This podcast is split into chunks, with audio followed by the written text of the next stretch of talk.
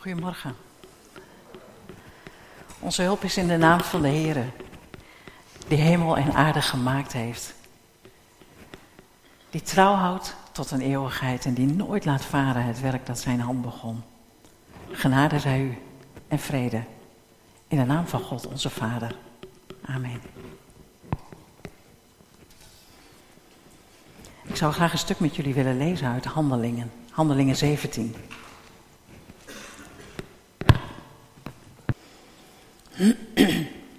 Handelingen 17.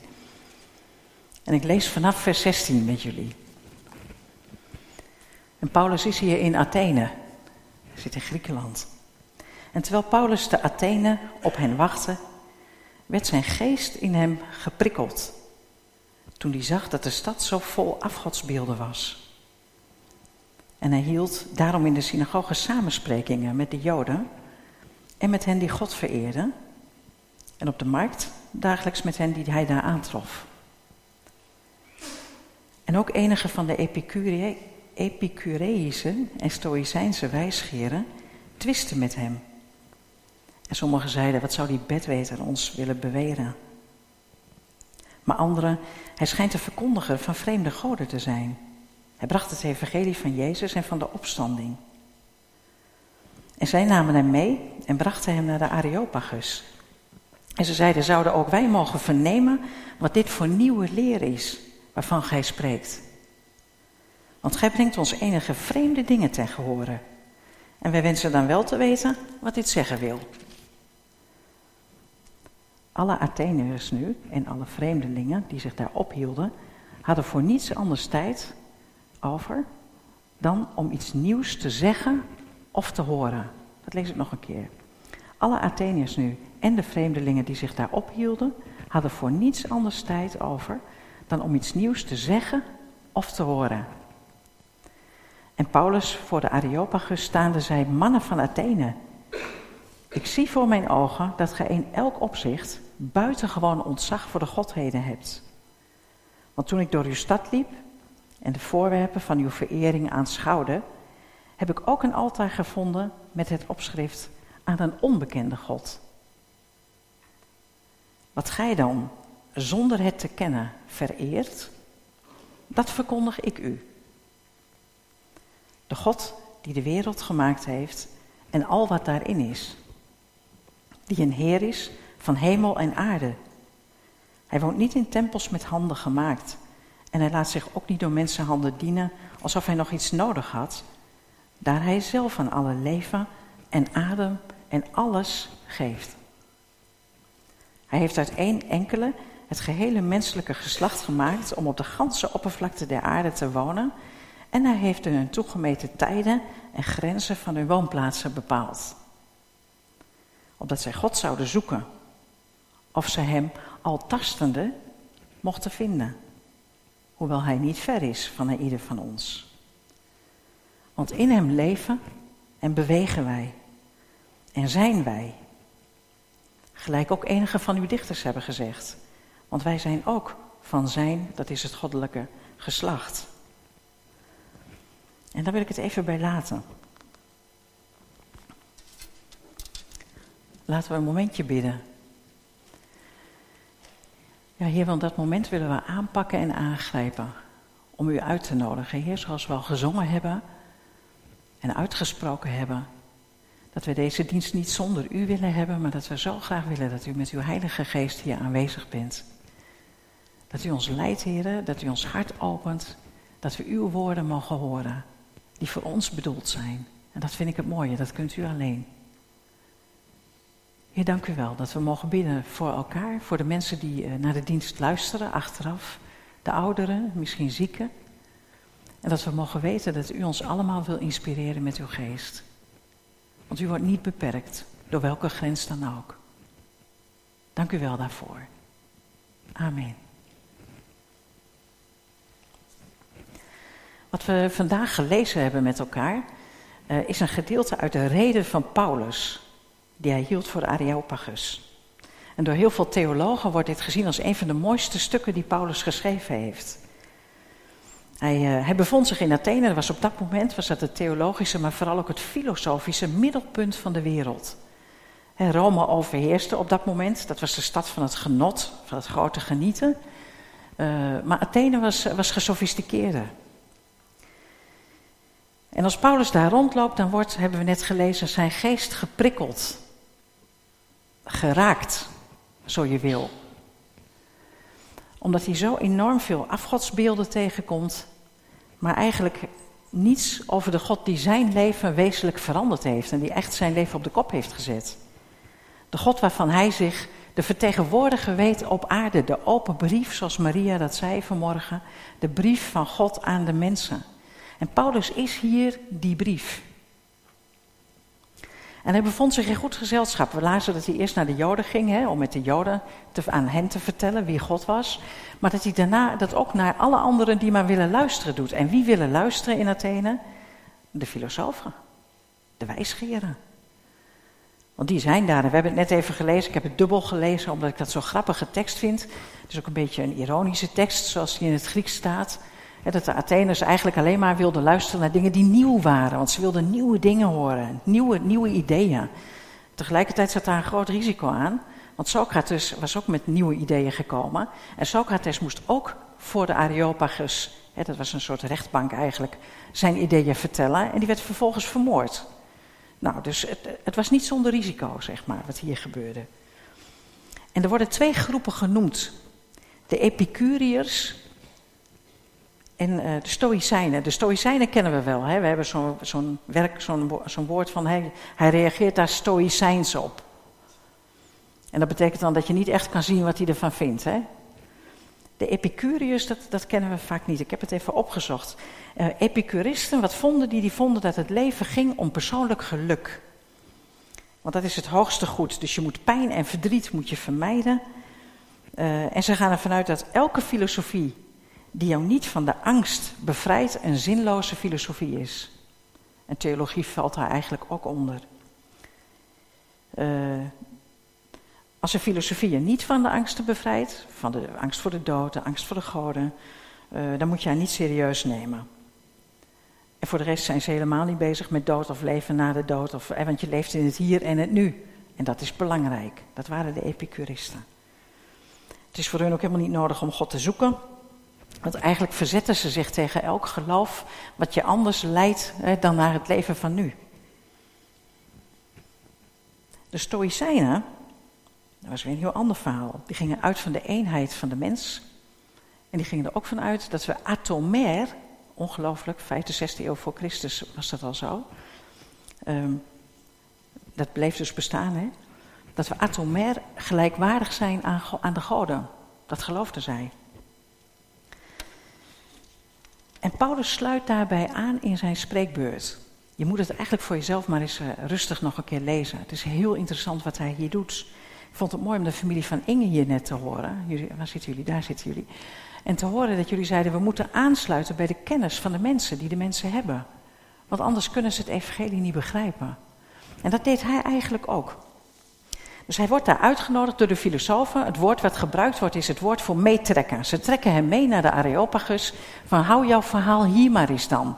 Als jij dan wat nieuws te vertellen hebt. Kom maar op, kom maar door. En dat doet hij dan ook. En het gaat niet zozeer over dat het echt die, die berg is, die heuvel. Maar het gaat erom dat hij voor het rechtscollege daar zijn verhaal moet houden over het christendom. Dus het is eigenlijk een, een soort verdediging van het christelijk geloof. En hij sluit totaal aan bij de concepten van die Hellenisten, van die Epicuriërs en de Stoïcijnen. En de twee teksten die ik hier uit wil pakken zijn er eigenlijk maar twee. En ik lees ze nog een keer met jullie. God heeft uit één enkele het hele menselijk geslacht gemaakt om op de ganse oppervlakte van de wereld te wonen, de aarde te wonen.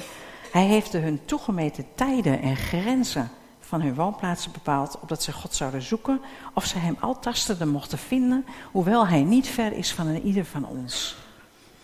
Want in hem leven wij, bewegen wij ons. En dan zegt hij een eindje verder, en we zijn ook nog van zijn geslacht. En die laatste twee komen allebei van dichters uit die tijd.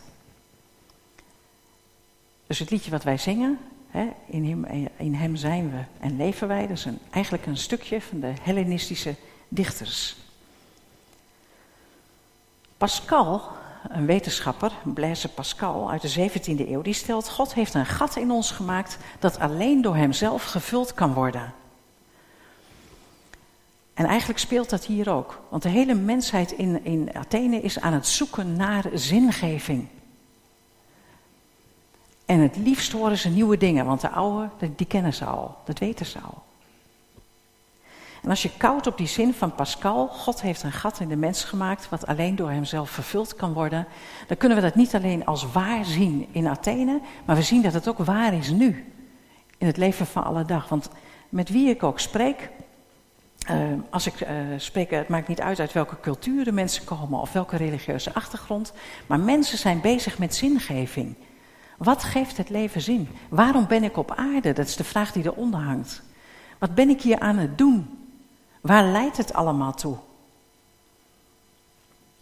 En ik vind die zin zo mooi dat Pascal dat zegt. Hey, dat is een gat wat God in ons gelegd heeft. En we proberen allemaal dat gat te vullen.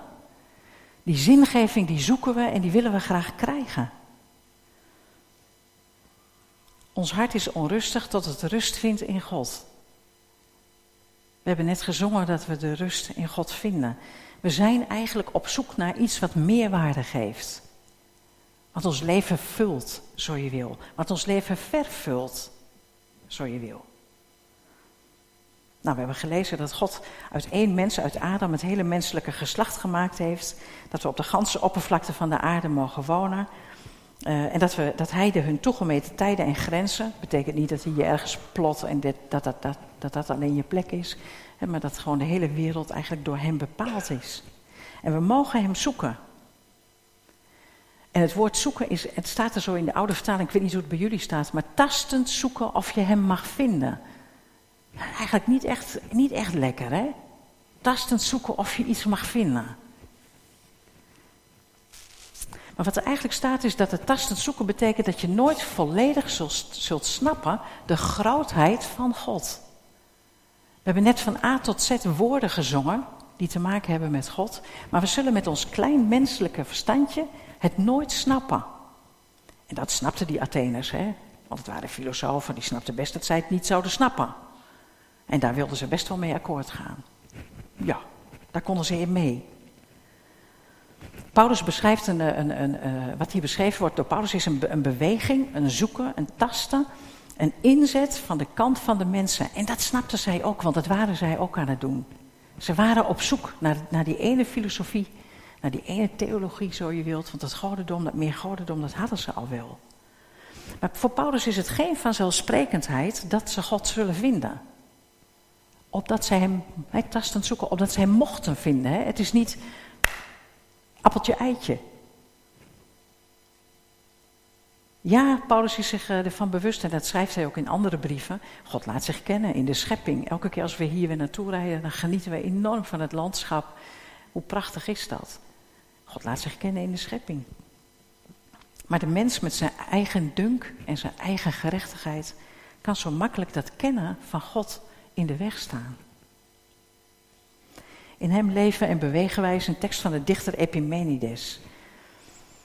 En wij zijn immers van zijn geslacht is een tekst van de dichter Aratus. Bijzonder, bijzonder dat die teksten gebruikt worden door Paulus. Passion doet dat ook, hè? die gebruikt ook heidense teksten en maakt daar een prachtig verhaal van, wat voor de normale Nederlander, die niet christelijk is opgevoed, opeens betekenis geeft. Je kunt er van alles van vinden, maar het is niet nieuw. Paulus deed dat al. En Paulus schetst hier een heel mooi uitgangspunt voor ons als gelovigen. En de vergelijking maken naar deze tijd is eigenlijk ook niet zo, eh, zo moeilijk, want het gedachtegoed van toen is eigenlijk ook het gedachtegoed van nu in deze wereld. Ook wij zijn geplaatst op de aardbol, ook wij zijn op zoek. We zijn op zoek naar zingeving, naar God. En uh, al zoekend naar een vergelijking van hoe kan ik dat nou eens invulling geven, uh, kwam ik op mijn saxofoon. En nee, ik ga niet spelen. Je wilt het nog niet horen namelijk, echt niet. Uh, ik vergelijk het met het zoeken en het vinden van een saxofoon. En de, de, de vergelijking gaat ergens manko mensen. Maar je doet er moeite voor om er één te vinden. Je doet er echt moeite voor. En als je hem dan gevonden hebt, dan denk je, wat is die prachtig mooi. En dan zet je hem op een standaard. En zo staat hij dan ook soms bij ons in huis, als hij niet in zijn, in zijn uh, case uh, zit. En denk je, geweldig. Wat een mooie saxofoon. Maar als, daar, als hierbij blijft, is het niks, hè? Toch? Wat zeg je? het, wordt pas, het wordt pas interessant als je ermee verder gaat. En dat betekende in mijn geval zoeken naar een riet. Nooit van gehoord, heel eerlijk gezegd hiervoor. Wat, uh, wat je erbij moet hebben passen en wat dan ook nog weer bij, bij jou moet passen. Ik had een te zware riet, maar het zag er maar heel flieberig uit, maar het was toch te zwaar, ik kreeg er geen geluid uit. Dan uitvinden hoe je dat ding moet bevestigen, hoe je dat aan het koordje moet hangen. En vervolgens aan je lippen zetten en dan merken dat er niks uitkomt. Maar dat je wel buiten adem bent. Uh, want blazen moet op een bepaalde manier. Niet alleen uh, met dat riet, maar ook met, ik heb het woord opgeschreven, want ik kan het maar niet onthouden, de embouchure of embouchure. De manier waarop je je lippen houdt. Waarschijnlijk weet jij daar alles van. Maar ik wist het niet. En dan ga je blazen en je wil er een geluid uit krijgen. En dan weet je de noten te lezen. Je hebt geleerd hoe je de vingerzetting moet doen. En waar je hem aan moet hangen, zodat hij niet alleen aan een touwtje hangt. En daarna komt er helemaal geen jazzy geluid uit. Maar begint de fase van oefenen, oefenen en oefenen. Tastend zoeken of je God mag vinden. God is niet ver van ons. Maar als je niet gevuld bent door de geest, dan is het een eindeloos verhaal. De Atheners die met zoveel goden te maken hebben, die weten al, in hem bewegen wij en zijn wij, dat weten ze al. En dat is eigenlijk hoe ons leven eruit mag zien als wij vervuld leven. In hem leven wij. Het is een statement, het is een positie van waaruit wij actief mogen zijn in de wereld. We staan niet stil, maar we mogen ontwikkelen en ondertussen zijn. En wij zijn die brief van Christus. Ik ga ervan uit dat heel veel mensen de Bijbel niet gaan lezen. Bij jullie kunnen ze de Bijbel niet lezen. Ik ga ervan uit dat bij ons heel veel mensen de Bijbel niet willen lezen. Dus wat is dan de enige brief die, die zij kennen van Christus? Wij, ja precies, wij. Wij zijn die brief van Christus. En dat realiseren we ons misschien niet altijd, maar dat zijn we wel. En je hebt je misschien ook met van alles en nog wat bezig gehouden en doet dat nog om zin te geven aan je leven. Ik kom zo meteen terug op de saxofoon. Uh, misschien ben je bezig geweest met het verwerven van aanzien, van een goede baan, van het halen van je studie, van een mooie plek om te wonen, prestaties. Misschien ben je een spierballentype, uh, of loop je, je vooral je eigen emoties en verlangens achterna. Uh, misschien ben je bezig met wat de wereld allemaal te bieden heeft. En de wereld heeft heel veel te bieden aan ons. Althans, het lijkt zo.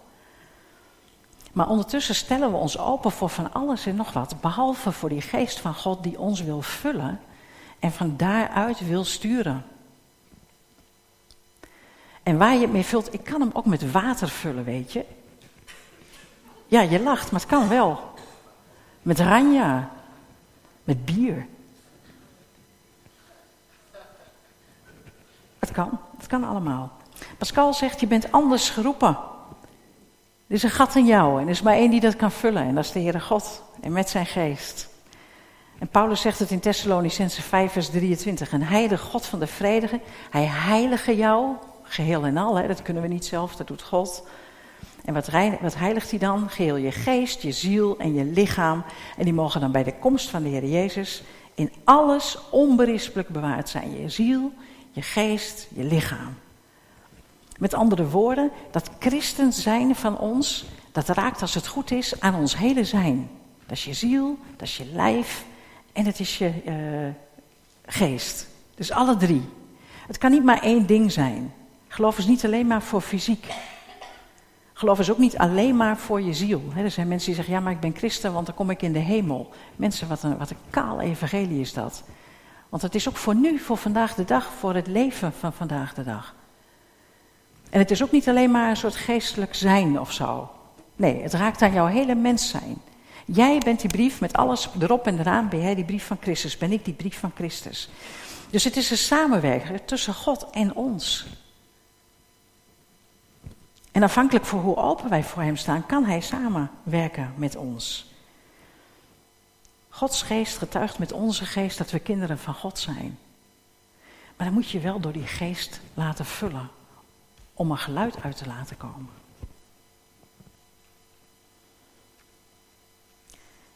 De hoop van Christus, de hoop van het evangelie, maakt niet beschaamd. Want de liefde van God is in onze harten uitgestort door de Heilige Geest. De liefde van God is in onze harten uitgestort door de Heilige Geest. Dat raakt dus aan je emotie. Ik weet dat er kerken zijn die zeggen, en ook gelovigen zijn, die zeggen, weet je, die emotie, daar moeten we niet te veel over preken. Maar de Bijbel staat er vol mee. Die staat vol met de rechtvaardige toorn van God, met zijn liefde, met zijn teleurstelling, met zijn geraakt zijn, met zijn compassie. En hier zien we het ook staan. We hebben de, we hebben de geest van God gekregen en daardoor de liefde van God in onze harten uitgestort. Zonder Gods geest hebben wij die liefde niet. Dan hebben we gewoon aardse liefde. Iemand is aardig, wij zijn aardig terug. Iemand doet rot, wij doen rot terug. Ja, een beetje oud-testamentisch, oog om oog, tand om tand toch. Dat kennen we wel. Nee, nee, nee. Gevuld zijn met Gods geest betekent dat je geraakt bent in je emotie. Ik sprak met vluchtelingen die vertelden dat toen ze nog geen christenen waren, met name hij vertelde dat, hij was een, uh, een bekend sporter in zijn eigen land, volleyballer, en hij vertelde dat hij altijd zo kwaad was en altijd boos was. En het moment dat hij geraakt werd door de Heere God, het moment dat hij wist, Christus is voor mij gestorven en ik mag gevuld zijn door Gods geest, was hij die kwaadheid kwijt. Ik vond het zo'n mooi getuigenis. Want dat is een van de manieren waaraan je merkt van hé, hey, je bent een God vervuld, een geest vervuld leven aan het leiden. Je emoties mag je afstemmen op God. Gods geest mag door jou heen werken. Het is niet alleen je emoties. God is het die om zijn welbehagen zowel het willen als het werken in jou bewerkt. Staat in Filippenzen. Met andere woorden, God is niet alleen degene die je emotie raakt, maar die ook jouw wil raakt. Die gaat bepalen met zijn geest, in samenwerking met jouw geest. Hè? Is niet eroverheen gaan, nee, in samenwerking met jouw geest. Gaat bepalen van wat wil jij. En is wat wij willen, is het dan in lijn, is het dan in overeenstemming met wat God wil? En het is een zoektocht, want dat weet je niet gelijk. Ik vind dat ook zo mooi in het getuigenis van net. Eerst deden we het zo, maar later kwamen we erachter en toen deden we het zo. Je bent niet in één keer spiritueel volwassen, hè? We beginnen gewoon onze stappen te zetten. We lopen op het water en we gaan. En God eh, die tilt ons op. Zijn geest leidt ons, die leidt ons in onze emoties, die leidt ons in onze wil. En die raakt aan ons lijf. Dus emotioneel, hij maakt ons bereid, willig, hè, bereid, willig. We zijn bereid te gaan wat God van ons vraagt om dat te doen. En hij zegt dat uh, onze geest een tempel is, of sorry, ons lichaam een tempel is van de Heilige Geest. Weet je dat niet, dat je lichaam een tempel is van de Heilige Geest die in je woont, die je van God ontvangen hebt? En dat je niet meer van jezelf bent. Je bent gekocht en betaald, verheerlijkt God met je lichaam. Christen zijn, vervuld leven, is leven met je hele lijf en leden voor God. Ook met je lichaam. Ook daar is Gods geest bij betrokken. Je bent niet meer van jezelf. Dat is niet een, eh, een, een, eh, populair uh, zinnetje om te zeggen in deze wereld, waar iedereen vecht voor eigen recht en vooral voor jezelf zijn, in je eigen kracht staan. Maar Paulus maakt daar korte metten mee. Jouw lijf is niet van jou, jouw wil is niet voor jou. Jouw gevoel is eigenlijk ook niet van jou. Jij bent niet van jou, jij bent van God. Dus hier zitten allemaal prachtige eigen, God is jullie eigenaar. En wat een, uh, wat een prachtig volk heeft hij hier zitten dan. Hè? Dus we zijn niet van onszelf, we zijn van Hem. Ik word daar heel dankbaar van als we aan het zingen zijn ook. Dan denk ik, ja, hier staan wij dan. Heer, we zijn van U en we mogen U eren. Hoe mooi is dat? Dus als je tot geloof gekomen bent, dan gebeurt er wat. Hè? Er gebeurt wat in je lijf, er gebeurt wat in je ziel en er gebeurt wat in jouw geest. En hoe kan het dan dat we dat soms totaal niet merken? Hoe kan het dan dat we vaak niet die leesbare brief zijn waar Paulus het over heeft? Dat we helemaal niet meer leven alsof wij zijn ambassadeur zijn. Nou, eigenlijk zegt hij dat zelf ergens in Efeze, hoofdstuk 2 staat al van, joh, niet alleen hebben wij hè, het christen zijn wat we nu hebben, nee, we hebben een verleden waarin wij net zo leefden als iedereen die niet gelovig is. Dat zou het eigenlijk dus makkelijker moeten maken om een bruggetje te slaan naar die andere, hè, die niet gelovig is. Want wij kennen dat ook allemaal. We kennen ook die behoefte om ons leven te vullen. We kennen de behoefte om het te pakken, om het de invulling te geven aan een man of kinderen of je huis. Wij kennen dat ook. Dus het zou heel makkelijk voor ons moeten zijn om die brug te slaan naar die ander. En om, en om ons te realiseren, wij zijn niet beter hoor jongens, we zijn beter af in Christus, maar we zijn niet beter. We kennen onze oude patronen. En mijn oude patroon is als iets niet gelijk lukt, dan oefen ik misschien nog drie weken en dan is het gedaan. En soms kan het met je christen zijn ook zo zijn. Dat je denkt van ja, weet je, ik kijk om me heen en ik zie allemaal van die hele volwassen christenen. Althans, dat lijkt dan zo. Het feit dat je dat gevoel hebt, betekent al wat anders. En dat je dan een beetje de, de kop kan laten hangen. En denk, nou laat maar zitten. Niet voor mij. Maar zo werkt het niet, hè? Zo werkt het niet. Want eigenlijk ben je niet van jezelf. Dus je mag je uitgedaagd te weten om vervuld te leven, om je te laten vullen door die geest van God. En daarom heb ik toch de saxofoon als voorbeeld genomen, ook al kan ik nog niet spelen. Ik heb hem als voorbeeld genomen omdat je die adem nodig hebt. Rema, je hebt het nodig. We hebben Gods geest nodig om het goede geluid voor te kunnen brengen. En dan gaat het, dan gaat het mank. Het zal nooit aan de saxofoon liggen dat hij niet goed klinkt, maar het ligt aan mij. En daar gaat het voorbeeld mank. Het zal nooit aan God liggen, want die is wel dichtbij, hebben we net gelezen. Hè? Die is dichtbij om gevonden te worden. Maar je moet wel met hem durven uitstappen. Met je lijf en leden. Met je ziel proberen om op hem af te stemmen. Met je geest door hem laten vullen. We zijn vanmorgen begonnen met het feit dat we mogen zijn en bewegen in hem. Vervuld door Gods geest en daarin dat we mogen rusten. Uh, dat is niet uh, per se een heel doelgericht christelijk leven. In vijf stappen spiritual uh, giants zijn, wat je wil. Dat is het niet, het staat hier niet. Er staat in dat we mogen weten wie we zijn in relatie tot God en dat je gewoon mag zijn.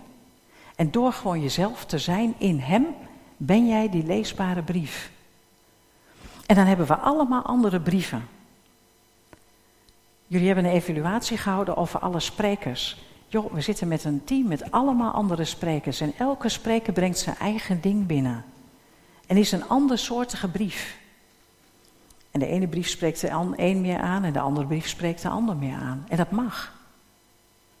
En mijn vraag aan jullie is, wat voor brief zijn wij, hè? Als er gezegd wordt door Maria van lees elkaar ook eens, wat lezen we dan bij elkaar? Oefenen, oefenen, oefenen. Dat is een leerproces. Dat levert valse noten op, joh. Heb ik gemerkt. En stilte op het verkeerde moment. Dat je denkt, er nu moet er wat uitkomen, er komt niks. Ken je dat? Dat je hoort dat iemand wat zegt en dat je weet dat je wat moet zeggen eigenlijk, hè, als kind van God. Maar je doet het niet. Ken je dat? En ken je dat, dat je denkt van nu moet ik eigenlijk mijn mond houden en het is sterker dan jij. En dan blabber je er toch wat uit dat je denkt, ach, had ik dat maar nooit gezegd. Dan moet ik dat allemaal weer terugdraaien en vergeving vragen. En ach, jongens. Of dat je net het verkeerde zegt. Of dat je je leven aan het overdenken bent, s'avonds voordat je naar bed gaat en je kijkt terug op de dag en je denkt, ach, nou ja. En het hoort er allemaal bij. Dat is dat proces van vervuld durven leven, stappen mogen zetten, fouten mogen maken en gewoon langzaam maar zeker volwassen worden in Christus. Leesbare brieven zijn. Aldoende worden we enthousiast. Enthousiast is gemaakt uit antheos, in God zijn. Eigenlijk uh, vroeger noemden we dat begeisterd zijn. Hè? Dus enthousiast is eigenlijk een heel mooi woord. Je mag in God begeisterd zijn. Met Gods geest. Gehoorzaam aan God. Wetend dat je niet van jezelf bent. Op Hem afstemmen. Alles wat ik heb, dat heb ik van mijn vader. We zongen het vroeger vaak als kinderliedje. En alles wat ik doe, dat doe ik voor de Heer. En alles wat ik ben, dat ben ik door mijn meester. En alles wat ik nodig heb, ontvang ik. En nog meer. Leesbare brieven. Kenbaar, leesbaar, met de geest geschreven, zoals jij het zei. We hebben niet afgestemd, maar dat doet Gods geest wel. Geschreven op de tafels van ons hart. Het raakt je lijf en je leden. Paulus was die brief. Daar ging de dialoog wel aan met zijn toehoorders. Hij was vervuld van Gods geest. Hij kende de cultuur. Hij wist hoe de mensen dachten. En hij wist daarbij aan te sluiten. En jij en ik, we zijn geen Paulus. Maar we mogen wel geestvervuld leven. Wetend waar we vandaan komen. En wetend dat we op weg zijn naar volwassenheid. Dat mogen we weten. We mogen leren afstemmen op die geest van God. Waardoor we niet alleen uh, zelf met onszelf een dialoog aangaan. Niet alleen met God een dialoog aangaan. Niet alleen met de mensen een dialoog aangaan. Maar dat het gewoon één geheel mag worden. Prachtig. Nou, u voelt de vraag wel aankomen, hè? Hoe vervuld leven wij? Of moet je ook erkennen dat je je leven met zo verschrikkelijk veel gevuld hebt? Dat je je leven wel vol hebt en druk, maar niet vervuld met Gods geest. Dat je je nog bezighoudt met al het mogelijke, waarvan Paulus eigenlijk zegt van joh, het doet er niet toe. Vuilnis noemt hij het. Niet mijn woorden, Paulus' woorden. Of verlang je er ook naar om met die geest terug vervuld te zijn? Om af te stemmen op die geest met je gevoel, je ziel, je geest en je lijf en je weer in te laten zetten hier in het Friese, in Groningen, in Roosendaal. Als je dat verlangen hebt, wil je dan gewoon opstaan en laten we dan samen naar God gaan.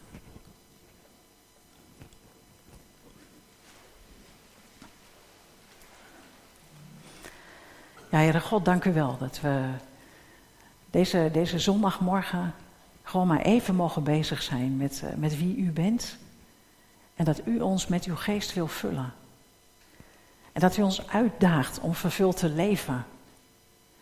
En hier soms voel ik me net die saxofoon die vol zit met van alles en nog wat.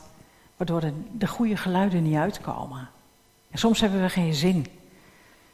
En dwalen we weer een beetje af. Maar Heere God, hier staan wij nu, gewoon voor u. En we, we, roepen het uit, Heer, met ons hele hart en ziel, met ons hele lijf. Vul ons met uw geest. Heilige Geest, mag ik u uitnodigen om bij ieder zoals die hier staat te komen, te raken, te genezen, te zijn. Om ons te bekrachtigen, Heer, zodat we durven uitstappen in die buitenwereld. Ons geluid durven laten horen, ook al klinkt het soms vals. Dat we mogen blijven oefenen met u. Dat uw proces met ons aldoor maar door mag gaan.